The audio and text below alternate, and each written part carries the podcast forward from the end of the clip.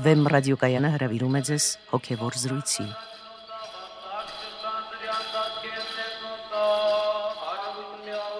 Սիրելի ունկնդիրներ, Վեմ ռադիոկայանի եթերում են արժանապատիվ Տեր Մեսրոպ Քահանա Արամյանը եւ Արա Սարգսակյան Նալչաջյանը։ Այսօրվա մեր զրույցի թեման է մարդու պատմական ինքնաճանաչողությունը։ Օրհնեցեք Տեր հայր։ Աստված օրհնի։ Դեր հայր կա տեսակետ, որ Սուրբ Գիրքը ճշգրիտ չէ, այն ընդամենը պատմություն է, եւ այն Սուրբ Գիրքը ինքն էլ հաստատում է բազմիցս այն մասին, որ ինքը իրոք պատմություն է ներկայացնում։ Օրինակ, ասենք, խոսելով առաջին մարդկանց ազգաբանության մասին, Սուրբ Գիրքը ասում է. «Սա մարդկանց ազգաբանության այն օրերի պատմությունն է, երբ Աստված ստեղծեց Ադամին»։ Այնուհետև Նոյի մասին խոսելով ասում է. «Այս է Նոյի պատմությունը»։ Եվ դարձյալ հին ուխտի բազմաթիվ տեղերում ասում է օրինակ այս մասին գրված է, այս ամենը նկարագրված է Իսրայելի թագավորների ժամանակագրության մեջ։ Նաև նոր կտակարանում Ղուկաս ավետարանիչը գրելով գործ կառակելոցը ասում է, որ ով պատվական Թեոփիլոս, ահա այս պատմությունը գրի առա, այսինքն Քրիստոսի եւ առաքյալների գործերի մասին պատմությունը։ Ուրեմն ինչպես կողմնորոշվենք մենք, ինչ արժեք ունի պատմությունը։ Ընդհանրապես պատմության հարցը շատ կարևոր խնդիր է մարդկային կյանքում եւ կարելի ասել, որ ինչ որ առումով մարդկային կյանքը, մարդու հոգեվոր փնտրումները, ընդհանրապես մարդու ով լինելը խարսխված է որոշակի պատմության կամ պատմությունների վրա, ինչպես ժողովուրդները, այնպես էլ մարդիկ ունեն իրենց պատմությունները, բայց պատմություններն էլ լինում են տարբեր, լինում են արտաքին պատմություններ, լինում են նկարագրական պատմություններ, սոսկ փաստագրական չոր պատմություններ, լինում են նաև հոգեղեն պատմություններ, որոնք մարդուն տալիս են որոշակի պատկերացում իր հոգևոր ակունքների վերաբերյալ, իր հոգևոր ինքնության վերաբերյալ։ Այդպիսի բացառիկ հոգեղեն պատմություն է ինքնին Աստվածաշունչ Մատյանը։ Ինքը թեպետ սոսկ պատմագրական ժանրի գործ չէ, եթե փորձենք ժանրային առումով մոտենալ, թեպետ այնտեղ բավականին գերիշխող մաս են կազմում այսպես կոչված պատմական գրքերը բայց նորից պատմական լինելով հանդերձ Սուրբ Գիրքը դա պատմության փաստացի փաստագրումը չէ, այլ պատմության այնպիսի տարերի հայտածումն է, որոնք շատ կարևոր նշանակություն ունեն մարդու փրկության համար։ Այլ կերպ ասած, սա մարդկային ազգի փրկության պատմությունն է։ Հետևաբար ինքը նաև նպատակաուղված մի իրողություն է իրենից ներկայացնում, այսինքն եթե դա մարդու փրկության պատմությունն է, որը դեռ չի ավարտվել, այստեղ նշանակում է, որ այդ պատմության մեջ անցյալը, ներկան եւ ապագան ինչ որ առումով միախառնված են։ Եթե դա այդպես է, ուրեմն դա նշանակում է, որ ինքը ժամանակից դուրս իրողություն է։ Այսինքն պատմության մեջ, պատմության ընթացքի մեջ կարելի է ասել հավիտենականի բացահայտումն է հենց Սուրբ Գիրքը։ Շատ հետաքրքիր է ժամանակի փիլիսոփայությունը, ընդհանրապես պլատոնյան համակարգում, որը հատկապես զարգացավ Սուրբ Կարպադովկիացիների մոտ, հատկապես Բարսեղ Կեսարացուն մոտ, եւ Բարսեղ Կեսարացին ուղակի ժամանակը դիտում է որպես հոսող հավիտենականություն։ Եվ ինքը ասում է, որ յուրաքանչյուր պահ ըստ էության ժամանակի կարելի է դիտել որպես սառած հավիտենականություն կամ մուտք դեպի հավիտենականություն։ Ուրեմն նշանակում է ճշմարտապես լինելով ժամանակի մեջ կարելի է առնչվել հավիտենականության հետ, ոչ թե հոսել ժամանակի հետ կամ ենթարկվել փոփոխականության օրենքներին, այլ ժամանակի մեջ ճշմարտապես լինելով եւ ճշմարտապես հաղորդ լինելով պահի փիլիսոփայությանը մարդը մտնում է հավիտենականության մեջ։ Եվ եթե մի քիչ հոգևոր տեսանկյունից դիտարկենք այս խնդիրը, հավիտենականությունը ոչ այլ ինչ է, եթե ոչ Աստծո հետ փոխհարաբերության ճաշակումը, որովհետև ամեն մի ճաշակում ըստ էության, ամեն մի հաղորդակցություն Աստվածային ոլորտի հետ, դա հաղորդակցություն է հավիտենական իրողությունների հետ։ Սա նշանակում է, որ պատմությանը մենք պետք է որոշակի վերաբերմունք ունենանք Սա նշանակում է, որ նաև մարդը ինչ որ առումով մտնելով այդ հավիտենական իրողությունների մեջ ունի որոշակի մասնակցություն պատմության մեջ։ Որտեւ շատ հաճախ մարդիկ կարծում են, որ պատմությունը անցած է, այսինքն մի բան է, որը անցել է։ Բայց եթե այդ պատմությունը տալիս է այնպիսի գոյաբանական էգզիստենցիալ պահեր, որոնք բացահայտում են մեր էությունը եւ բացահայտելով ինքներս մեզ մենք հաղորդակից ենք լինում այդ հավիտենական իրողությունների նշանակում է այդ պատմությունը ինչ որ առումով ոչ թե անցյալ է մեզ համար այլ կենթանի ներկա է կենթանի իրողություն է տեսեք օրինակ երբ որ մենք խոսում ենք սրբոց բարեխոսության մասին չէ արտաքին մարդը այդ սուրբերի մասին խոսելիս նրանց դիտում է որպես պատմական դեմքեր որ ինչ որ մի ժամանակ եղել են նրանց վարքերն են գրված եւ այլն կյանքի պատմություն ասենք օրինակ Մեսրոպ Մաշտոցի մասին մասին ունի որոշակի պատմագրական պատկերացումներ, բայց քրիստոնյայի համար Սուրբերի հիշատակությունը, հատկապես եկեղեցում, երբ որ մենք պատարակի ժամանակ հիշատակում ենք, կենթանի հաղորդակցություն է Սուրբերի բարեխոսության հետ։ Այսինքն այդ Սուրբերը ոչ թե ինչ-որ պատմական դեմքեր են մեզ համար, այլ կենթանի բարեխոսներն են եւ պաշտպաններն են մեր կյանքի։ Մենք մեր կրոնական փորձառությամբ կարող ենք նրանց հետ հաղորդակից լինել։ Այստեղ պատմությունը ինքը դառնում է մեզ համար կենթանի իրողություն։ Սա լրիվ այլ հայեցողություն է պատմության, այլ փիլիսոփայություն է, այլ ընկալում է Սա մենք անվանում ենք կենթանի պատմություն։ Դերեջ դուք խոսեցիք պատմության մասին որպես ժամանակի ընթացքի եւ ժամանակը ճշգրիտ մեծություն է, ֆիզիկական մեծություն եւ կարելի է մասնատել ամենանրբին մասերի բաժանելով եւ ինչ-ինչ ճշգրիտ հաշվարկներ անել։ Սակայն մի փոքր կարծեմ թե այլ է պատմություն իրողությունը, պատմություն երևույթը, քանի որ տվյալ ժամանակում կատարված դեպքերը, իրադարձությունները կարելի է նկարագրել եւ կարելի է վերլուծել ու բացատրել, ներկայացնել ցանկացած տեսանկյունից։ Նայած թե ինչ է ուզում ասել մարդը եւ նայած թե ինչ նպատակ ունի։ Այսինքն պատմությունը կարող ենք եւ այսպես ներկայացնել եւ այնպես։ Սակայն այդպես չեն օրինակ ճշգրիտ գիտությունները, որոնք հստակ օրինաչափությունների բնության վրա եղած երևույթները նկարագրում են եւ հաշվում բանաձևային ճշգրտությամբ եւ միշտ ստույգ պատասխան ստանում։ Ուրեմն այդ առումով արդյոք պատմությունը ավելի խոցելի դիրքում չէ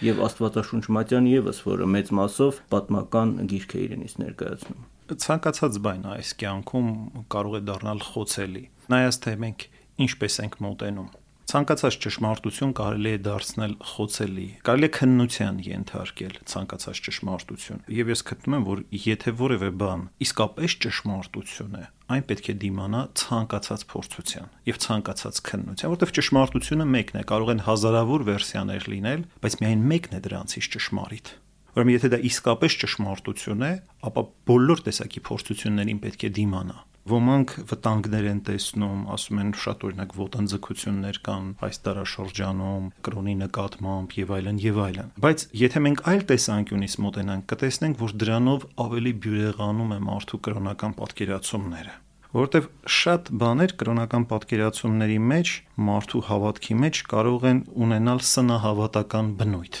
եւ դրանք ամենևին էլ օգտակար չեն մարդու համար եւ հենված չեն ճշմարիտ եւ ուղափառ հավատքի դավանության վրա։ Ուրեմն նշանակում է այդ ոտնձգությունները ինչ որ առումով կարող են օգնել մեզ, որպեսզի մենք առավել եւս հաստատվենք հավատքի ճշմարտության մեջ։ Այդպես է եղել նաեւ հերետիկոսությունների դեմ պայքարի այդ ամբողջ ընթացքը զավեշտական է հնչում, բայց եթե չլինեին այդ հերետիկոսությունները, չէր բյուրեղանա, ասենք եկեղեցու քրիստոսաբանական միտքը։ Դրանք առիթներ են եղել, որպեսի այդ հոգևոր դավանաբանական ճշմարտությունները ավելի ստույգ եզրերով ֆիքսվեին հավատացյալ գիտակցության մեջ եւ որպեսի մարդիկ այլևս դյուրությամբ չընկնեին զանազան հերետիկոսական պատկերացումների եւ շեղումների մեջ։ Ուրեմն ինչ որ առումով նաեւ այդ բոլոր տեսակի փորձությունները օգնում են մեզ հստակեցնելու թե ինչ է կրոնը, ինչ է հոգևոր ոլորտը եւ որոնք են առավել հիմնարար սկզբունքները մեր հավատքի։ Սա մեկ, հիմա պատմության խոցելիության մասին։ Իհարկե շատ արդի դարաշրջանում սարգացավ քննական վերաբերմունքը պատմության նկատմամբ, սկսեցին շատ խնդիրներ վերասրբագրվել,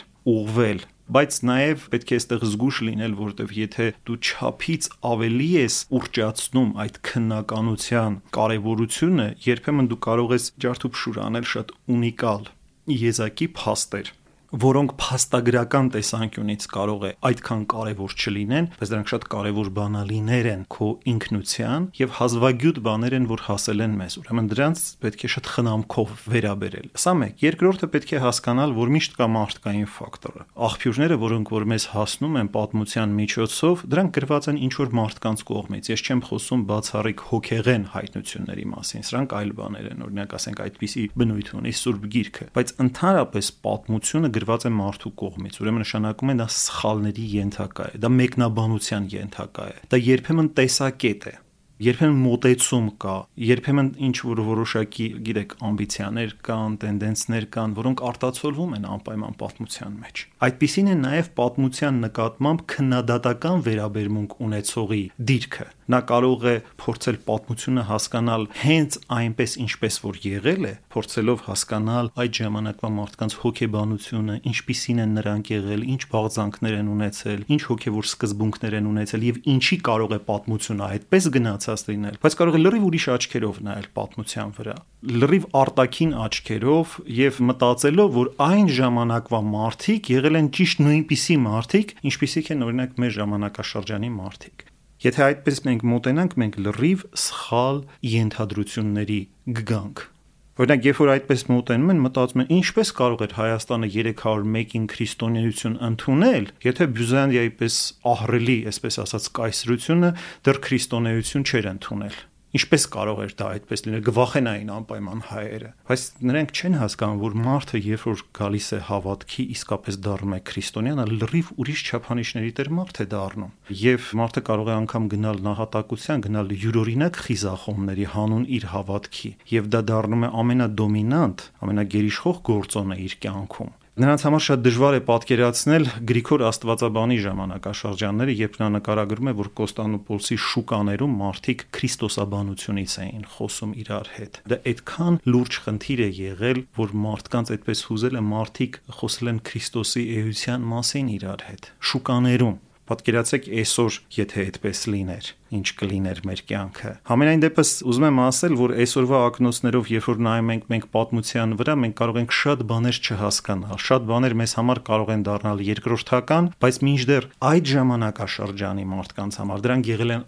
ամենակարևոր խնդիրները։ Ուրեմն հետեւաբար մենք այդ պատմության շունչին հաղորդ չենք լինի։ Մեր նկարագրած պատմությունը կամ մեր ստեղծած ժամանակագրությունը կլինի շատ չոր եւ անպետք։ Եվ սովորաբար այդպիսի գրքերը չեն կարդացվում, չի լինում կարդալ բայց այն մարդիկ, ովքեր որ իսկապես ապրումով են գրել, նույնիսկ երբեմն որոշակի երանգներ մցնելով նույնիսկ երբեմն աղավաղելով, բայց նրանց պատմությունը կենթանի է, երբ որ զգում ես այդ ժամանակաշրջանի շունչը։ Օրինակ պատմության շատ յուրահատուկ նշխարներ կան ձեռագրերի հիշատակարաններում երբ որ մարդը ավարտում է ձեռագիրը եւ թողում է որոշակի հիշատակություն Երբեմն այդտեղ շատ հետաքրքիր անցքեր են նկարագրվում այդ ժամանակաշրջանի իրողություններ։ Մարդը ասում է, որ մի կերպ վերջացրեցի այս աղետալի ժամանակաշրջանում եւ այնքան թարմություն կա այդ փոքրիկ հիշատակարանի պատմության մեջ։ Օրինակ կարելի է որոշակի ժամանակաշրջանների պատմությունը կառուցել ըստ այդ հիշատակարանների։ Դա կլինի հույժ կենթանի պատմություն։ Իսկապես եւ կան առանձին ուսումնասիրություններ նույնիսկ ժամանակակից հայագետների կողմից, որը լույս է սփռում տարբեր դարերի պատմական զանազան իրողություններ ինքնությունների վրա։ Դեժայ դուք խոսեցիք մարդկային ինքնության մասին։ Պատմության իմացությունը մարդուն ինչ է տալիս իր ինքնությունը ճանաչելու առումով։ Դա յուրօրինակ անձնագիր է։ Ասենք ժողովրդի պատմությունը այդ ժողովրդի փաստագրությունն է, այդ ժողովրդի անցած ճանապարհն է եւ ինչ որ առումով այդ ժողովրդի ինքնության վկայականն է։ Ընդհանրապես ինքնության սահմանման խնդիրներում կան տարբեր մոտեցումներ, թե ինչ է ինքնությունը եւ բավականին մեծ տեղ է այդ ինքնության սահմանումների մեջ զբաղեցնում այն տեսանկյունը, որ քո ինքնությունը, քո ինքնության վկայությունը, քո անցած պատմությունն է, որտեվ եթե դու պատմությունը ճիշտ կերպով վերլուծես, ինչ որ ձևով դու կբացահայտես թե ով ես դու եւ կհասկանաս թե ինչ օրինաչափություններ ունես, որպես ժողովուրդ եւ որպես մարդ։ Եվ տեսեք շատ պատկերավոր արտահայտություն կա պատմությունից դասեր քաղել Սա ժողովրդական իմաստության խոսք է եւ պատահաբար չեն այսպիսի առածները կամ այսպիսի թևավոր խոսքերը ծնվում։ Իսկապես պետք է պատմությունից դասեր քաղել, որովհետեւ այդ պատմության մեջ դու կարող ես զանազան բաներ նշмарել։ Օրինակ, դու կարող ես տեսնել քո մեղքի պատմությունդ Օրինակ, եթե դու հոգևոր մտածում ես ցուցաբերում, դու կարող ես տեսնել, թե ինչպես ես դու ընկել եւ ոդքի կանգնել եւ հատկապես ինչ տեսանկյունից ես դու խոցելի եւ որպես մարդ եւ որպես ժողովուրդ դու կարող ես լուրջ առանձնահատկություններ բացահայտել եւ եթե շատ խելոք լինես իմաստուն լինես այդ առանձնահատկությունները բացահայտելով դու այդ սխալները այլևս չես գործի ուրեմն պատմության ճիշտ իմացումը նաեւ թույլ է տալիս մեզ որպեսի մենք ապագայում որոշակի քայլեր կատարենք բայց իհարկե չի նշանակում որ մենք միշտ մեր հայացքներս պատմությանը հառած պիտի պահենք շատ հետաքրքրական արտահայտ արտահայտություն ունի Պողոս Արաքյալը, ասում է, որ եւ ես մոռացած իմ անցյալը դեպի ապագան եմ ձգտում։ Սա կարող է շատ տարօրինակ թվալ, որտեղ մյուս կողմից եկեղեցին ապաշխարության կոչ է անում։ Թվում է, թե Պողոս Արաքյալի այս արտահայտությունը եւ ապաշխարության կոչը, այսինքն քո մեղքերիդ պատմության վերհիշումը, իրար հետ ունեն լուրջ հակասություն։ Սակայն սա արտաքին դիտարկում է ընդամենը։ Եթե խորությամբ մոտենանք խնդրին, մենք կհասկանանք, որ ճշմարիտ ապաշխարության մեջ կա իսկապես մեծ մոռացում։ Երբ որ դու մոռանում ես այդ մեղքի օրենքը, այդ մեղքի բռնությունը քո վրա, ազատագրվում ես դրանից։ Այսինքն ճշմարիտ հիշողության մեջ կա ազատագրման պահ։ Կարող ես դու դառնալ գերի հիշողության, բայց կարող ես հիշելով ճշմարտապես ազատվել, եթե դու իսկապես ապաշխարում ես։ Ուրեմն երկու մոտեցում կա կամ անցյալի մեջ հիվանդակին մխրճվել եւ միայն, այսպես ասած, անցյալի ինչ-ինչ իրադարձությունները հիշել լավ կամ վատ, գովերքելով կամ լաց լինելով եւ ապագայի մեջ չկայանալ բայց հոգևոր գիտակցությունը մեզ ասում է, որ մենք լուրջ անելիք ունենք ներկայում եւ ապագայում եւ դրա բանալին մեր անցյալի ճշմարիտ ինքնագիտակցությունն է։ Դրեր, օրինակ ինչ կարող է տալ մարդուն, եթե նա իմանա ուրիշի պատմությունը, դուք ասացիք, որ մարդ կարող է իմանալ, թե ինչպես է ինքը ընկել։ Օրինակ մարդը ինչպես կարող է ուրիշի կյանքի պատմությունին իմանալով իմանալ, թե ինքը ինչպես է ընկել, կամ եթե նույն սկզբունքը տարածենք ազգի վրա, օրինակ ինչու մենք լինելով հայ ուսումնասիրում ենք հաճախ բուհերում եւ այլ հաստատություններում զանազան այլ երկրների պատմությունը որովհետև այդ պատմությունների մեջ կան շատ ուսանելի բաներ։ Մենք ինքներս մեզանով չենք կարող պարփակված լինել։ Այսինքն մենք որպես անհատ ապրում ենք մարդկանց մեջ։ Մենք ոչ միայն մեզ պետք է ճանաչենք, ընդհանրապես մենք մարդուն պետք է ճանաչենք, մենք մարդկային հարաբերությունների առանձնահատկությունները պետք է ճանաչենք եւ չենք կարող այդ հարաբերություններից դուրս մեզ դիտել։ Սա մեկ։ Նույնպես էլ ժողովուրդները, ժողովուրդներն էլ ապրում են մեծ ընտանիքի մեջ չի կարելի երբևիցե ֆետիշացնել որևէ ժողովրդի դերը կամ դիրքը մարդկային պատմության մեջ, որքան էլ նրան տրված լինեն ճշմարտություններ եւ յուրահատուկ հայտնություններ, որտեղ այն ամենը ինչ որ որ տրված է այդ ժողովրդին, դա միայն այդ ժողովրդի սեփականությունը չէ այլ տրված է ոչ միայն ինքն իր համար արգասավորելու նպատակով, այլ նաև դա ծառայեցնելու ուրիշ ժողովուրդներին։ Ուրեմն մենք պետք է շատ զգուշ լինենք, որպեսզի այդ քանքարը թաքցնող ծառային չնմանվենք ավետարանի, այլ այն ինչ որ որ Աստված տալիս է, մենք արգասավորենք եւ դրանով կարողանանք բարիք գործել ոչ միայն մեզ համար, այլ նաև շրջապատի համար, այլ նաև մեր ընտանիքի մյուս անդամների համար։ Էնպես որ մարդկային կյանքը, ժողովուրդների կյանքը փոխկապակցված է եւ անպայման դու պետք է ճանաչես։ Մենք շատ բաներ ենք ուսանում ուրիշներից։ Եվ ընդհանրապես պետք է ասել, որ ինքնափակվածությունը դա հոգեկան խանգարման շատ լուրջ նշան է, թե մարդկային կյանքում դա տանում է արդեն լրիվ հոգեկան շեղման եւ նաեւ ժողովուրդների կյանքում։ Այսինքն Աստված մի արած թե որ մենք որպես ժողովուրդ ինքնափակվենք մեր մեջ եւ պետք է ասել, որ մենք իսկապես եղել ենք ժողովուրդ, որը կարողացել է բաց սիրո քաղաքականություն իրականացնել պատմության մեջ։ Մենք մի քանի ուսումնասիրություններ կատարեցինք դավանական հանդուրժողականության մասին, դրանք տպվեցին Գանձասարի հատորներում, որտեղ ցույց տրվեց, որ հայերը անհամեմատ ավելի հանդուրժողական վերաբերմունք են ունեցել իրենց ընդդիմախոսների նկատմամբ, քան նրանք մեր նկատմամբ Եվ ես սա անվանում եմ սիրո բաց քաղաքականություն։ Սա շատ յուրահատուկ հայկական ֆենոմեն է։ Երևի սա է պատճառը, որ մենք ցանկացած միջավայրում շատ արագ ընտելանում եւ ինտեգրացվում եւ բարգավաճում ենք, որտեղ մենք բաց ենք ուրիշների նկատմամբ եւ այդ բացությունը իդեպ զարմանալի կերպով դրսևորվեց հենց սրբոց թարգմանչած շարժման մեջ։ Այսինքն մենք հենց մեր թարգմանիչներին մեծարում ենք որպես թարգմանիչ, այսինքն ոչ միայն որպես այբուբեն ստեղծող, ոչ միայն գիր ստեղծող, երաժշտություն ստեղծող, լեզու ստեղծող, գրավոր լեզու ստեղծող, այլ հենց որպես թարգմանիչ։ Իդեպ թարգմանությունը, որը Սուրբ Գրիգոր Տաթևացին արվեստների մեջ համարում է մեծագույն արվեստը, ցույց է տալիս քո ընկալելու եւ մարսելու կարողությունը, քո հաղորդակցության աստիճանն է ցույց տալիս։ Ոչ միայն տարբեր ժողովուրդների հետ, այլ նաև աստվածային ոլորտի հետ, որտեվ Վարդան Արևելցին ասում է, որ թարգմանեցին զիմաստս անեղին, այսինքն նրանք նաև եղան անեղի, այսինքն աստվածային խորհուրդների հայտածողները մեր մարդկային կյանքում, բայց միևնույն ժամանակ նրանք կարողացան հայացնել եւ սեփական լեզվով վերարտադրել այն լավագույնը, որ մարդկությունը այդ պահին ստեղծել էր։ Եվ դրանով իսկ մենք որպես ժողովուրդ մի անգամից շատ կարճ ժամանակաշրջանի ընթացքում կանգնեցինք աշխարհի ամենամեծ, ամենամշակութապես զարգացած ժողովուրդների կողքին։ Եվ սրանում էր հենց սրբոց թարգմանչած շարժման հզորությունը եւ մեծությունը։ Այսինքն նրանք ցույց տվեցին իսկապես քո ժողովրդի պոտենցիալը, թե ինչ պոտենցիալի ես դու տիրապետում։ Դեր մարդը իր կյանքի ժամանակի մի զգալի մասը եւ կարելի ասել, որ իր գիտակցական կյանքի դերևս մեծ մասը ծախսում է պատմության վրա, պատմություն ուսանելու, զանազան պատմություններ վերցնելու եւ յուրացնելու, մարսելու վրա։ Արդյոք այստեղ վտանգ չկա, որ դրանով մարդ կարող է բաց թողնել ներկա արդի առօրյական իր խնդիրները, իր գործերը եւ նույնիսկ ձախողվել այդ գործերում։ Մենք խոսեցինք կենթանի պատմության մասին, ասելով, որ այդ պատմությունը նաև ինչ որ առումով որոշակիորեն ներկա է մեր կյանքում դա մեր ինքնություն է, բայց նաև կարող ենք ասել, որ ներկան հենց պատմության շարունակական վիճակն է պատմության բուն վիճակը հենց ներկան է եւ այդ առումով շատ կարեւոր է պատմության ճիշտ ինքնագիտակցումը եւ նաեւ հասկանալը թե դու ինչ դեր եւ մասնակցություն ունես պատմության եւ որն է քո սեփական պատմությունը քո իրական պատմությունը եւ ինչպես ես դու կանգնած պատմության մեջ այսօր հենց այս պահին, որովհետեւ քո պատմությունը իրականության մեջ կերտվում է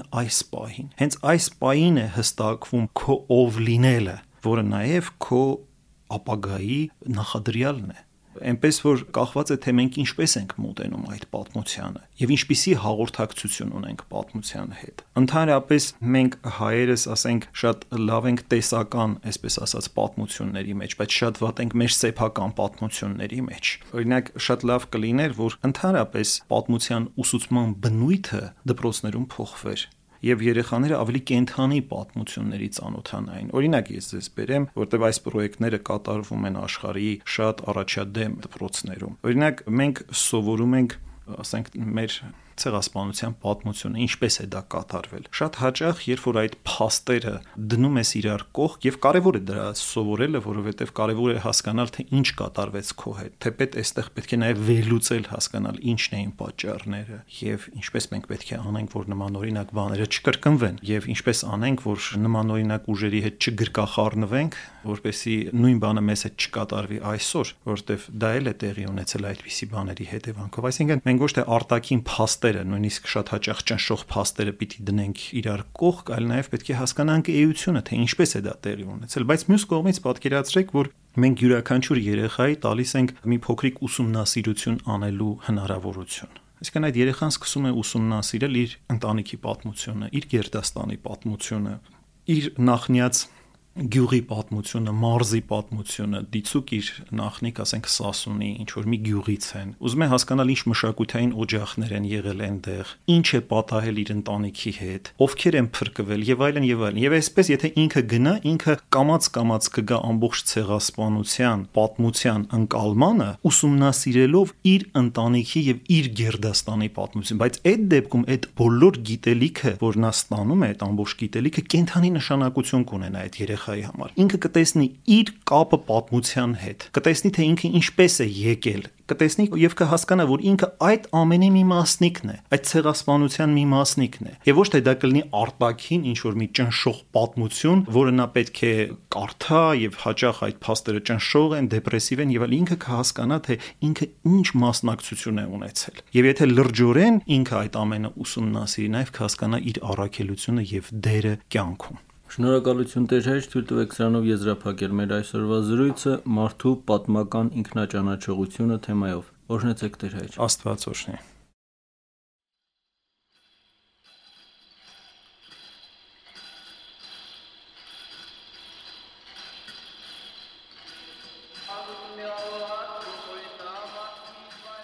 Հոգևոր զրույցներ հաղորդաշարի հերթական հաղորդումը վարեց